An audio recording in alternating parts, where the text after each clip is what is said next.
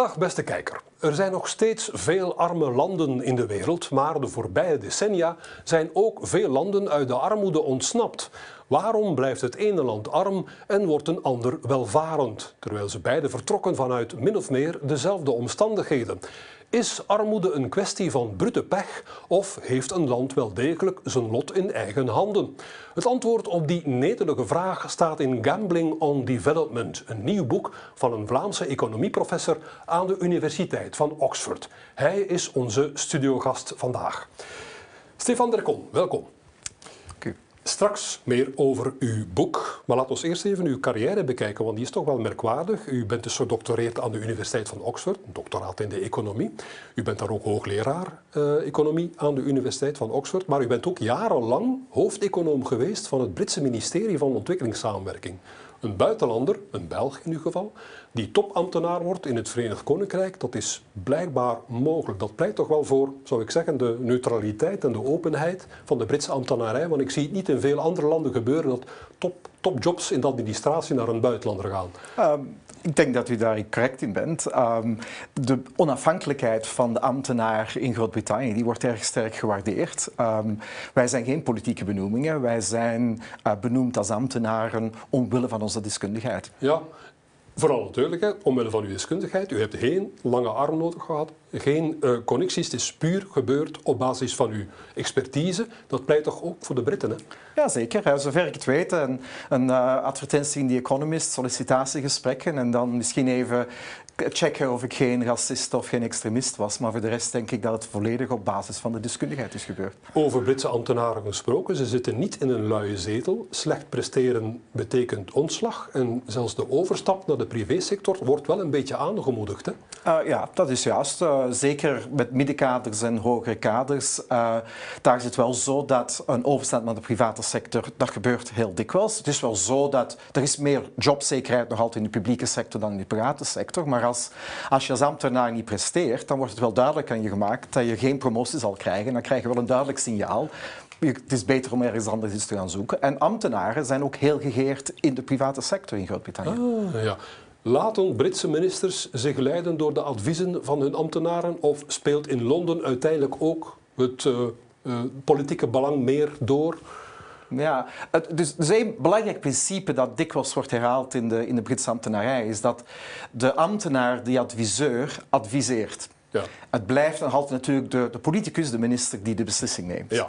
En het betekent natuurlijk ook dat politieke belangen meespelen. Maar wat belangrijk is opnieuw, is een soort principe van hoe wij advies geven. Er zijn heel strikte regels rond de objectiviteit van het advies. En wij moeten data-analyses heel duidelijk doen. En dat betekent ook dat de minister heel duidelijk, als hij een politieke beslissing wil nemen, dat hij dat ook heel duidelijk politiek moet nemen. En dat het niet basis komt van, van, een, van uh, een of andere data die worden gefabriceerd. Maar het moet uh, duidelijk gebeuren op, op de feitelijke gegevens. In 2020 kreeg u dan een telefoontje met de vraag om rechtstreeks adviseur te worden van Dominic Raab. Dat toenmalige minister van Buitenlandse Zaken van Groot-Brittannië. Dan bent u toch Brit moeten worden. We zien hier Dominic Raab op de afbeelding.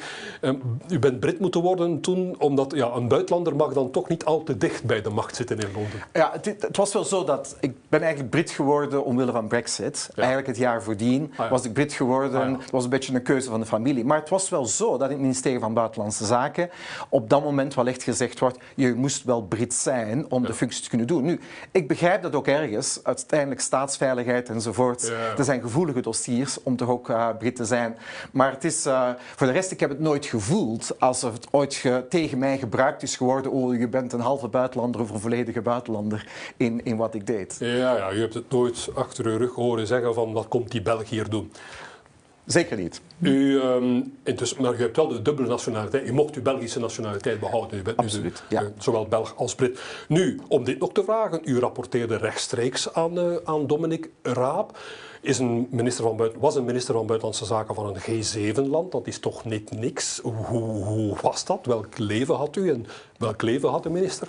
Wel, uh, ik, ik heb voor allerlei dingen natuurlijk ook kunnen leren. En een, het belangrijkste dat ik misschien geleerd heb, dat ik toch ook wel heb leren respecteren dat de politicus een moeilijke baan heeft. Ah, ja. Elke tien minuten een beslissing nemen, zeker in een soort land van kleine en grote beslissingen, dat is natuurlijk heel veel eisend. En mijn functie uiteindelijk, ik gaf advies, ja. maar hij droeg politieke verantwoordelijkheid voor alle beslissingen die hij nam. En, en dat is toch, anders natuurlijk. En dat blijft nog iets heel anders. En uiteindelijk is het ook wel zo geweest. Oké, ik heb altijd proberen advies te geven. Hij heeft het doorgaans gevolgd. Maar dan waren natuurlijk heel moeilijke dossiers. Um, en vooral dan bijvoorbeeld Afghanistan, de val van Kabul. Ja, het heeft hem uiteindelijk wel zijn job gekost. Want uiteindelijk inschattingsfouten gebeurden. En hij bleef politiek verantwoordelijk. En dan zie je toch wel wat voor soort baan een politicus is. En ik moet zeggen, ik ben toch liever adviseur dan politicus. Hoog tijd om het te hebben over uw boek Gambling on uh, Development. De ondertitel uh, luidt Why Some Countries Win and Others Lose. Waarom ontsnappen sommige landen uit de armoede en andere niet? We zien hier uh, de koffer van het boek op het achtergrondbeeld. Dus waarom ontsnappen sommige landen uit de armoede en andere landen niet? En uw antwoord op die vraag is...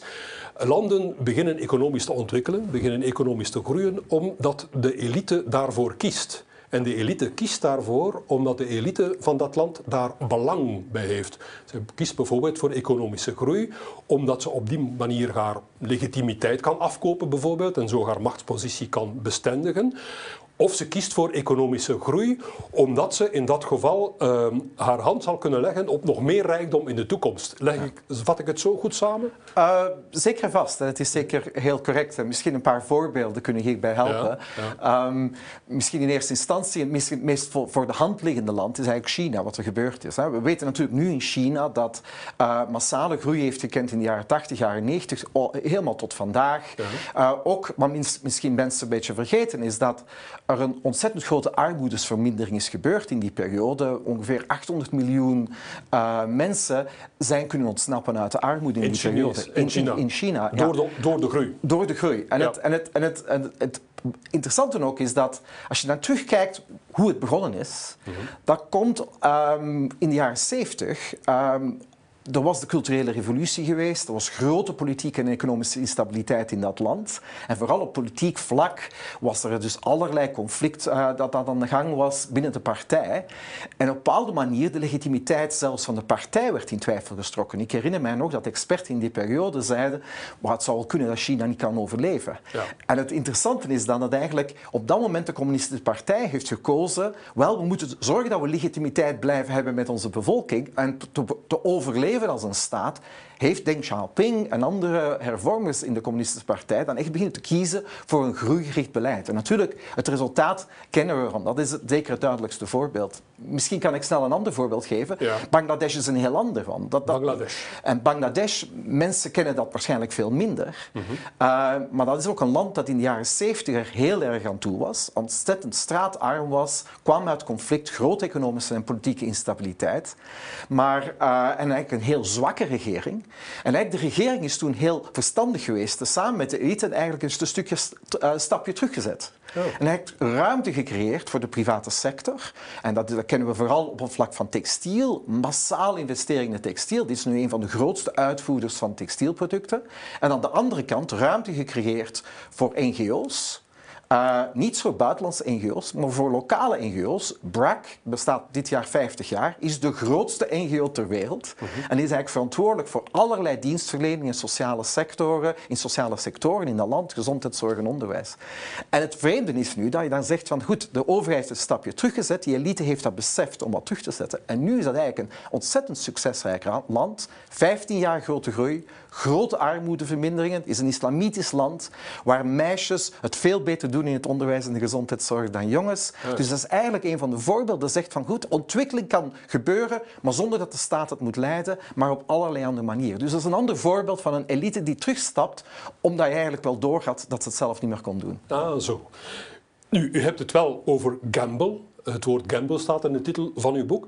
De keuze van de, door de elite van ontwikkeling, dat is een gok. Die gok kan ook mislukken. Hè? Hebt u daar een paar voorbeelden van? Wel, toch zeker. Denk het, het voor de hand liggende voorbeeld is eigenlijk Ethiopië in recente tijden. Um, um, tussen 2000 en 2005 had het allerlei politieke instabiliteit. Ja. En een van de problemen dat Ethiopië al historisch altijd heeft, om ergens een soort politieke verstandhouding te kunnen vinden tussen de verschillende nationaliteiten in het land. -hmm. um, dat was heel fragiel rond 2005, maar de, de regering, en dat dat eigenlijk wel een soort uh, deal was tussen allerlei verschillende groepen in het land, wel, weliswaar geleid door één bepaalde groep, die besloot toen eigenlijk te zeggen van goed, dit land is nog altijd straatarm, we, we hebben nog altijd zoveel politieke instabiliteit, kunnen we misschien meer stabiliteit creëren door ontwikkeling. Ja. En eigenlijk een sterke groei probeerde te creëren uh, sinds 2005 en eigenlijk heel succesrijk erin is geweest. Grote ontwikkeling, armoedevermindering, het snelst groeiende land uh, tussen 2010 en 2019.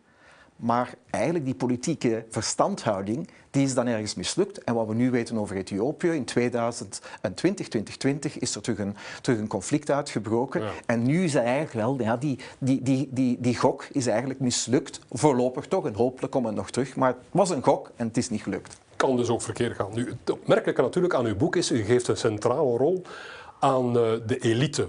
Het is de elite die ervoor kiest om eh, te groeien. Ontwikkeling van een land komt blijkbaar niet van onderuit. Het wordt blijkbaar niet gedreven door een soort ja, verlangen bij de brede bevolking naar meer welvaart. Zo werkt het blijkbaar niet. Wel, het is, een, het is, een, vorm van realisme dat ik wil hebben. Dat eigenlijk in de meeste samenlevingen, eigenlijk ook wel bij de onze, er is ergens een vorm van elite. Dat is niet alleen de politieke leiders, dat is ook de, de leiders in, in, het zakenleven, misschien zelfs nog in grote organisaties, universiteiten, journalisten, die eigenlijk wel een beetje de richting van een land bepalen. Ja. En in sommige landen is dat een kleine groep, in andere landen is het iets grotere uh, groep. Maar uiteindelijk zijn dat wel de mensen die macht hebben of invloed hebben op de richting waar het land naartoe gaat. Dus eigenlijk wel, er kan wel enige druk zijn van, van onderuit. Maar we moeten wel beseffen dat als we kijken naar de landen die succesrijk zijn geweest, is het wel degelijk zo geweest dat de elite, de voornaamste, dat je die dan toch aan de kant moest hebben van ontwikkeling, anders zou het niet lukken. Het is de bovenlaag die aan het stuur zit. Nu, democratie doet er eigenlijk niet toe, zegt u ook in uw boek.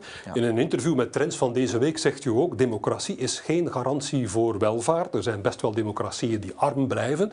En anderzijds zijn er autoritair geleide landen die rijk worden. Hè? Ja, en dat is ook zo. Het is, het is niet dat ik wil zeggen, democratie is geen goede zaak. Het is uiteindelijk wel iets dat ik natuurlijk veel liever zou hebben dat een democratie is en, en, en, en, en dat soort beleid wordt gevoerd. Maar als je kijkt naar de voorbeelden, Ghana, democratie was heel belangrijk Mhm. voor het succes van Ghana in de laatste twintig jaar. Dat, dat gaf een zorg van politieke stabiliteit. Ja. Maar als je dan kijkt naar Nigeria, Malawi, dat zijn ook democratieën. En er is niks gebeurd op vlak van de welvaart. Mhm.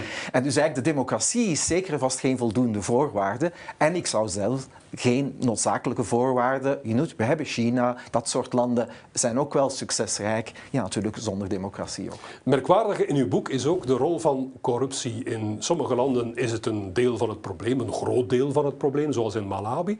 Maar in sommige landen is het ook een deel van de oplossing raar maar waren. Indonesië is daar een voorbeeld van. Hè? Ja, en misschien even uh, proberen toch wat te verduidelijken, want dat is misschien iets dat, dat mensen wel heel, heel vreemd zouden vinden. En, en ik moet zeggen, goed, corruptie, ik ga dat niet goed praten, ja. maar ik kan het begrijpen in de context van wat er gebeurde rond in, in het ontwikkelingspatroon van een land. Als je kijkt naar Malawi, dat is een beetje het, als je rijk wil worden in Malawi, moet je connecties hebben met de overheid. Dan krijg je contracten en dat is de manier om rijk te worden. En uiteindelijk corruptie wordt dan het grote probleem van Malawi. Daar zit het door vast.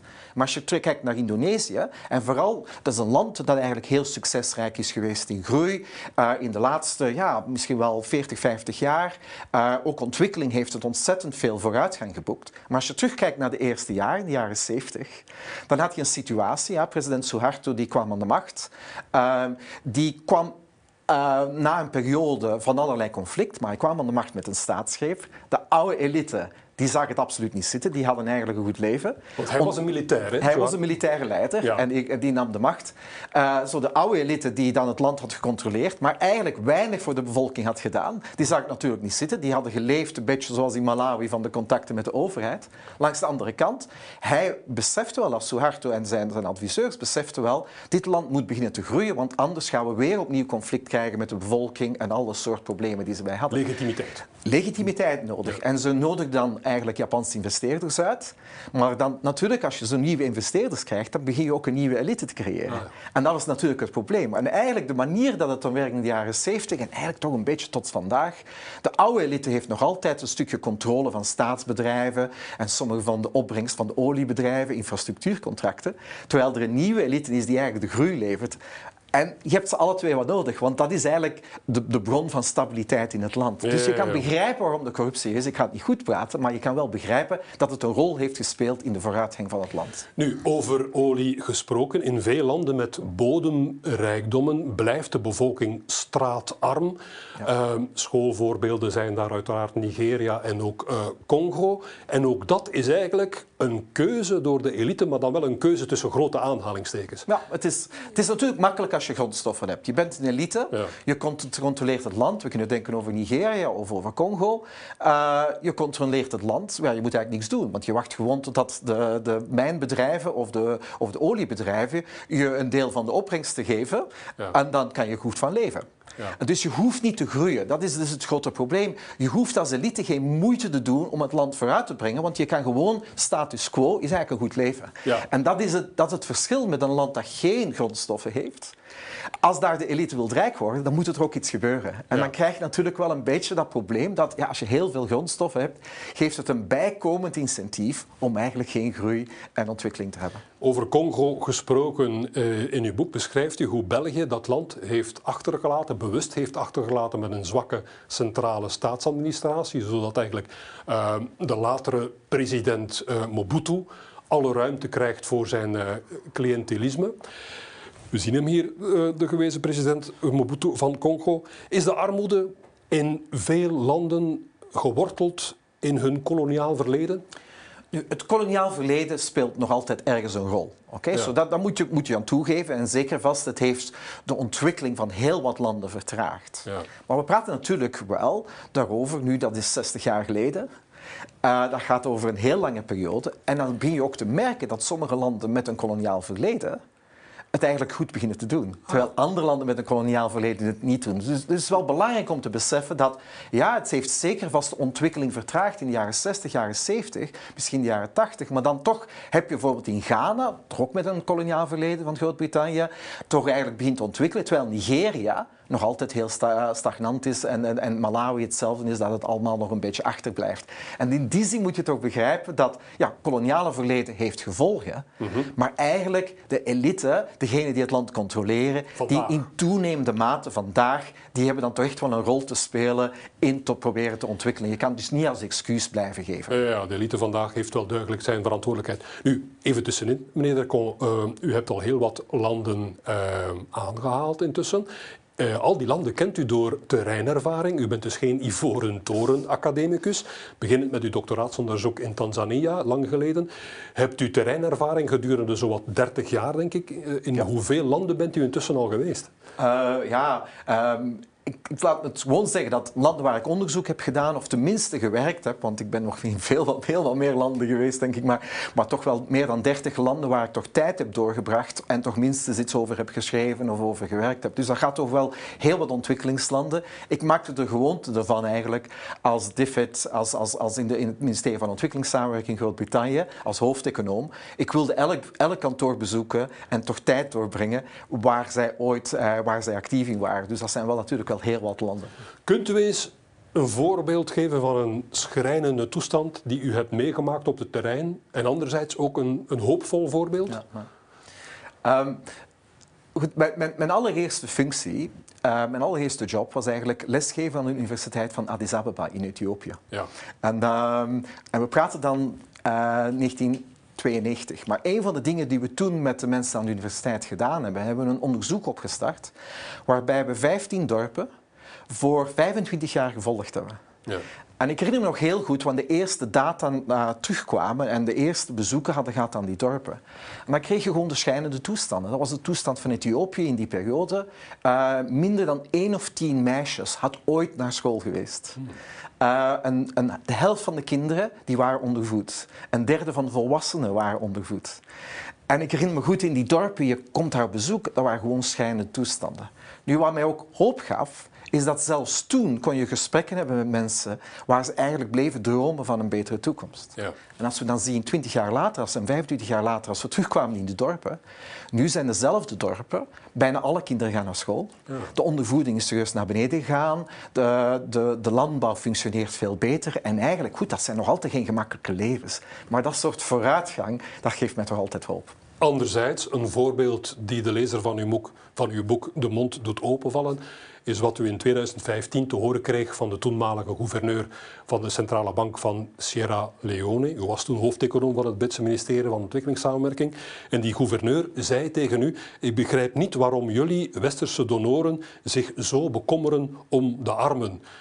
Krijgt u op zo'n moment als, als mens die het goed meent met de arme landen geen zin om er, om er de brui aan te geven en iets anders te doen met uw leven? Maar in, in elk geval, ik kan u garanderen dat mijn mond ook open viel op dat moment toen ik het hoorde. Ja. Maar, maar je moet wel begrijpen, en dat is toch ook een beetje weer met terreinervaring dat je dat krijgt. Zowel in onze samenleving zullen er mensen zijn die denken dat armen arm zijn omdat ze lui zijn, omdat ze niks doen. Ja. Je hebt dat ook in die samenlevingen. Je hebt dat ook een, een duidelijk uh, idee van dat soort mensen die zeggen, ja, die mensen zijn arm omdat ze gewoon geen moeite doen om zich te verrijken. Je leert er met te leven, je kan daar aan ergeren. Maar het geeft mij nog altijd wel motivatie. Zowel om te zeggen van goed, we gaan proberen zoveel mogelijk te doen dat we betere elites krijgen die die landen bestuderen. En anderzijds dat we ook proberen voor te doen om toch eigenlijk die toestand van de armen te verbeteren. Ja, nog zo'n levensechte anekdote is uw informeel gesprek met een uh, medewerker van de Chinese ambassade in uh, Kinshasa. Uh, die medewerker vertelde u dat de bouw van een ziekenhuis in Congo met Chinese hulp, ja, die was bijna voltooid, maar de oplevering van dat ziekenhuis dat bleef maar duren. De Congolese overheid bleef moeilijk doen over de afwerking van dat ziekenhuis. En u hebt die brave man uh, moeten uitleggen dat het voor de Congolese overheid helemaal niet te doen was over de afwerking van dat ziekenhuis. De Congolese overheid was uiteraard aan het wachten op smeregeld. Hebt u, allee, merkt u nog bij de donoren een zekere wereldvreemdheid? Of is China misschien iets wereldvreemder op dat vlak dan de westerse donoren? Wel, uh, goed, het gaat natuurlijk wel heel ver als je aan een Chinees moet gaan uitleggen wat smeergeld is. en, uh, de, en, en, dat was natuurlijk wel een van die dingen dat we ook gemerkt hebben met China, dat in de, pas in de laatste decennia in Afrika actief is. Ja. Zij doen, gedragen zich nog altijd een beetje zoals wij ons gedroegen in de jaren 60 en de jaren 70. Ah, ja. Ook heel wereldvreemd. Wij maakten dat soort fouten ook. En uiteindelijk, ik denk dat wij misschien wel veel meer geleerd hebben. En dat eigenlijk toch een beetje vooruitgang hebben gekend in de manier dat we omgaan met die landen. En ik denk eigenlijk, als ik eerlijk ben, als we gaan kijken wat China zal doen in de volgende tien jaar, zal het veel subtieler zijn. Ja. En het veel minder wereldvreemd zal zijn uh, in, in, in, in dat geval. Maar uh, ja, ik denk dat het nog altijd een beetje wel een probleem is. Maar goed, ook zij leren bij. Nu, over ontwikkelingshulp gesproken. In uw boek bent u niet zo heel enthousiast over ontwikkelingshulp. Hè. In de laatste 50 jaar, schrijft u, heeft het bekeken over alle ontwikkelingslanden heen niet zo heel veel verschil gemaakt. Hè. Is de cruciale factor opnieuw de elite? Als de elite het goed voor heeft met een land, dan zal de ontwikkelingshulp ook wel goed besteed worden? Ja, nu, dat is zeker vast correct. Maar het is ook belangrijk om.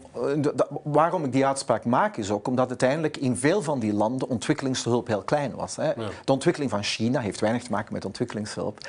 De ontwikkeling van India zelfs dat is nooit meer dan 1% van het uh, bruto nationaal inkomen dat ja. eigenlijk ontwikkelingshulp is geweest. Dat gaat om relatief kleine bedragen. Ja.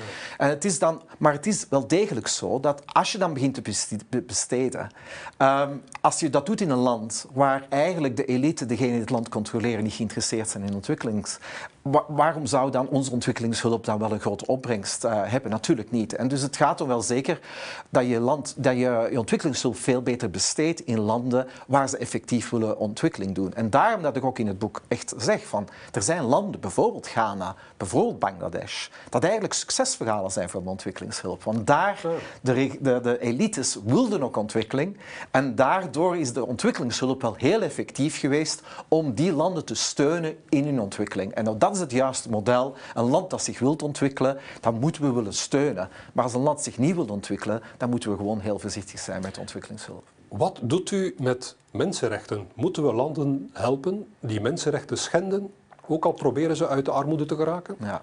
Dus, dus mensenrechten natuurlijk zijn belangrijke dingen op zich. Het, maar het is te gemakkelijk om te zeggen dat uh, mensenrechten en armoedebestrijding, dat is hetzelfde. Dat gaat ook dikwijls om heel andere dingen. Het gaat om allerlei andere politieke spanningen in een land, vrijheid, van meningsuiting. Dat heeft doorgaans niet zo'n directe invloed op armoedebestrijding. Maar voor mij het belangrijkste punt is eigenlijk dat we geen hypocrieten mogen zijn. Neem nu twee landen, uh, Vietnam en Cambodja.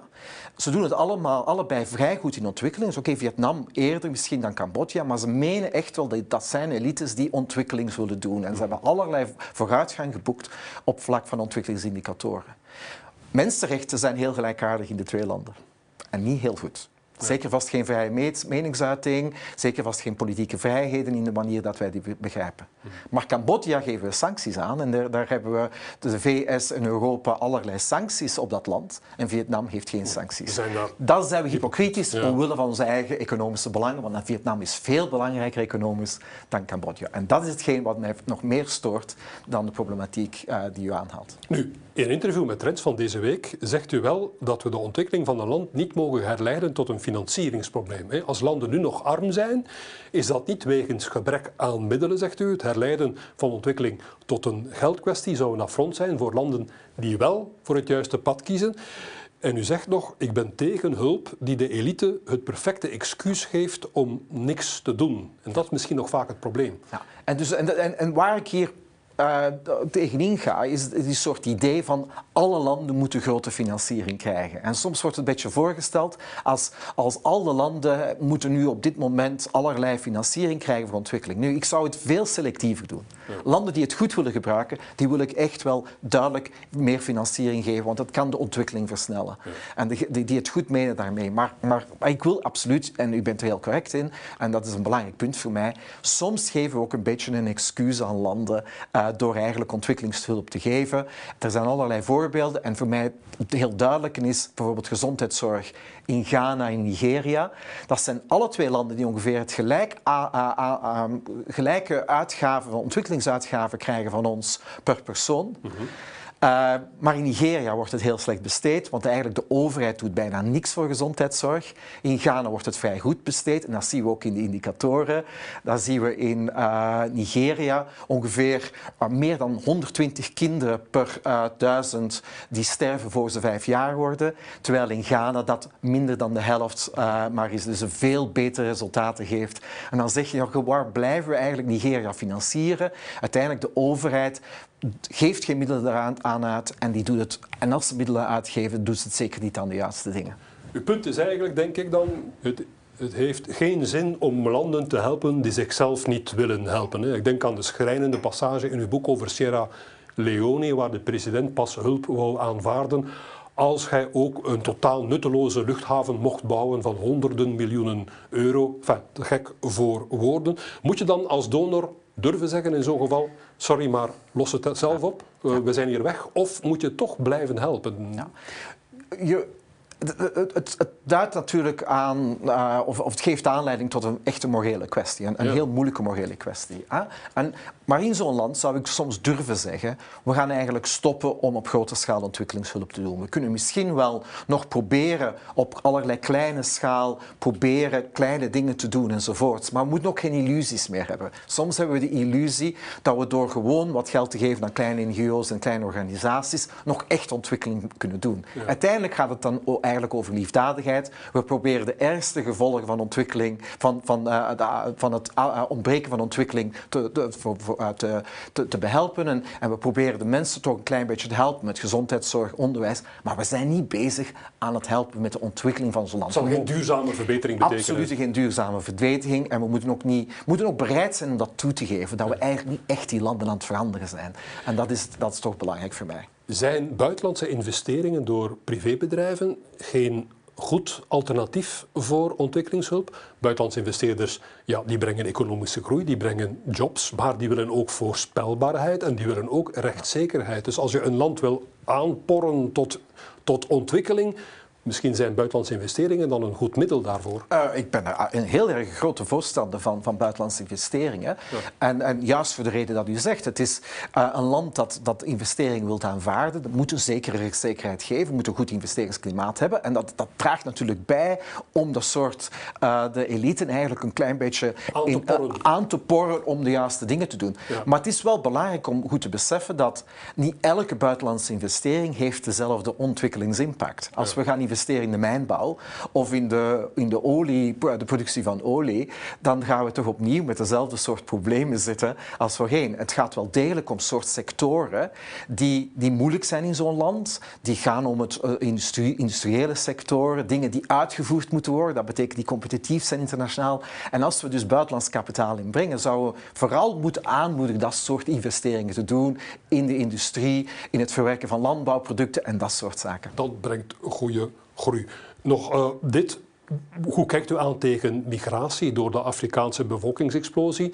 Zal Europa, zich nog, zal Europa nog meer uh, Afrikaanse immigranten krijgen? Nu, de beste krachten verlaten hun land. Anderzijds, immigranten uh, sturen vaak geld terug naar huis. Wat is de balans voor Afrika?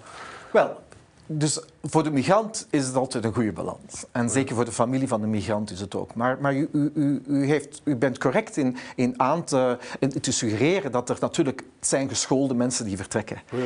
En eigenlijk als we dat een beetje systematischer zouden willen doen, en, en ik weet het ook in Groot-Brittannië, we hebben van in allerlei sectoren mensen nodig, voornamelijk in de gezondheidszorg en in de zorgsector. Mm -hmm. Nu, als we dat echt willen aanmoedigen, dan, dan vind ik dat wij zouden moeten bereid zijn om te investeringen, in te investeren in de opleiding van die mensen in die landen. Ja. En bijvoorbeeld een model waarbij je, je echt serieus investeert in het opleiden van verpleegkundigen, van medewerkers in de zorgsector, zegt in Malawi of zoiets.